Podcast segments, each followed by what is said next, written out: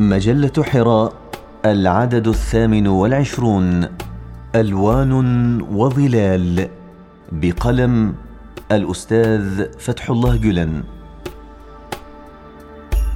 النظارة السوداء.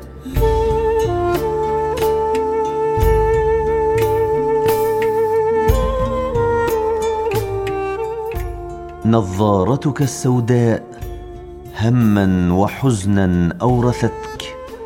عالما أسود ارتك وإن أنت أبدلتها سعدت وعالما مشرقا رأيت ودنيا بزاهي الألوان شهدت.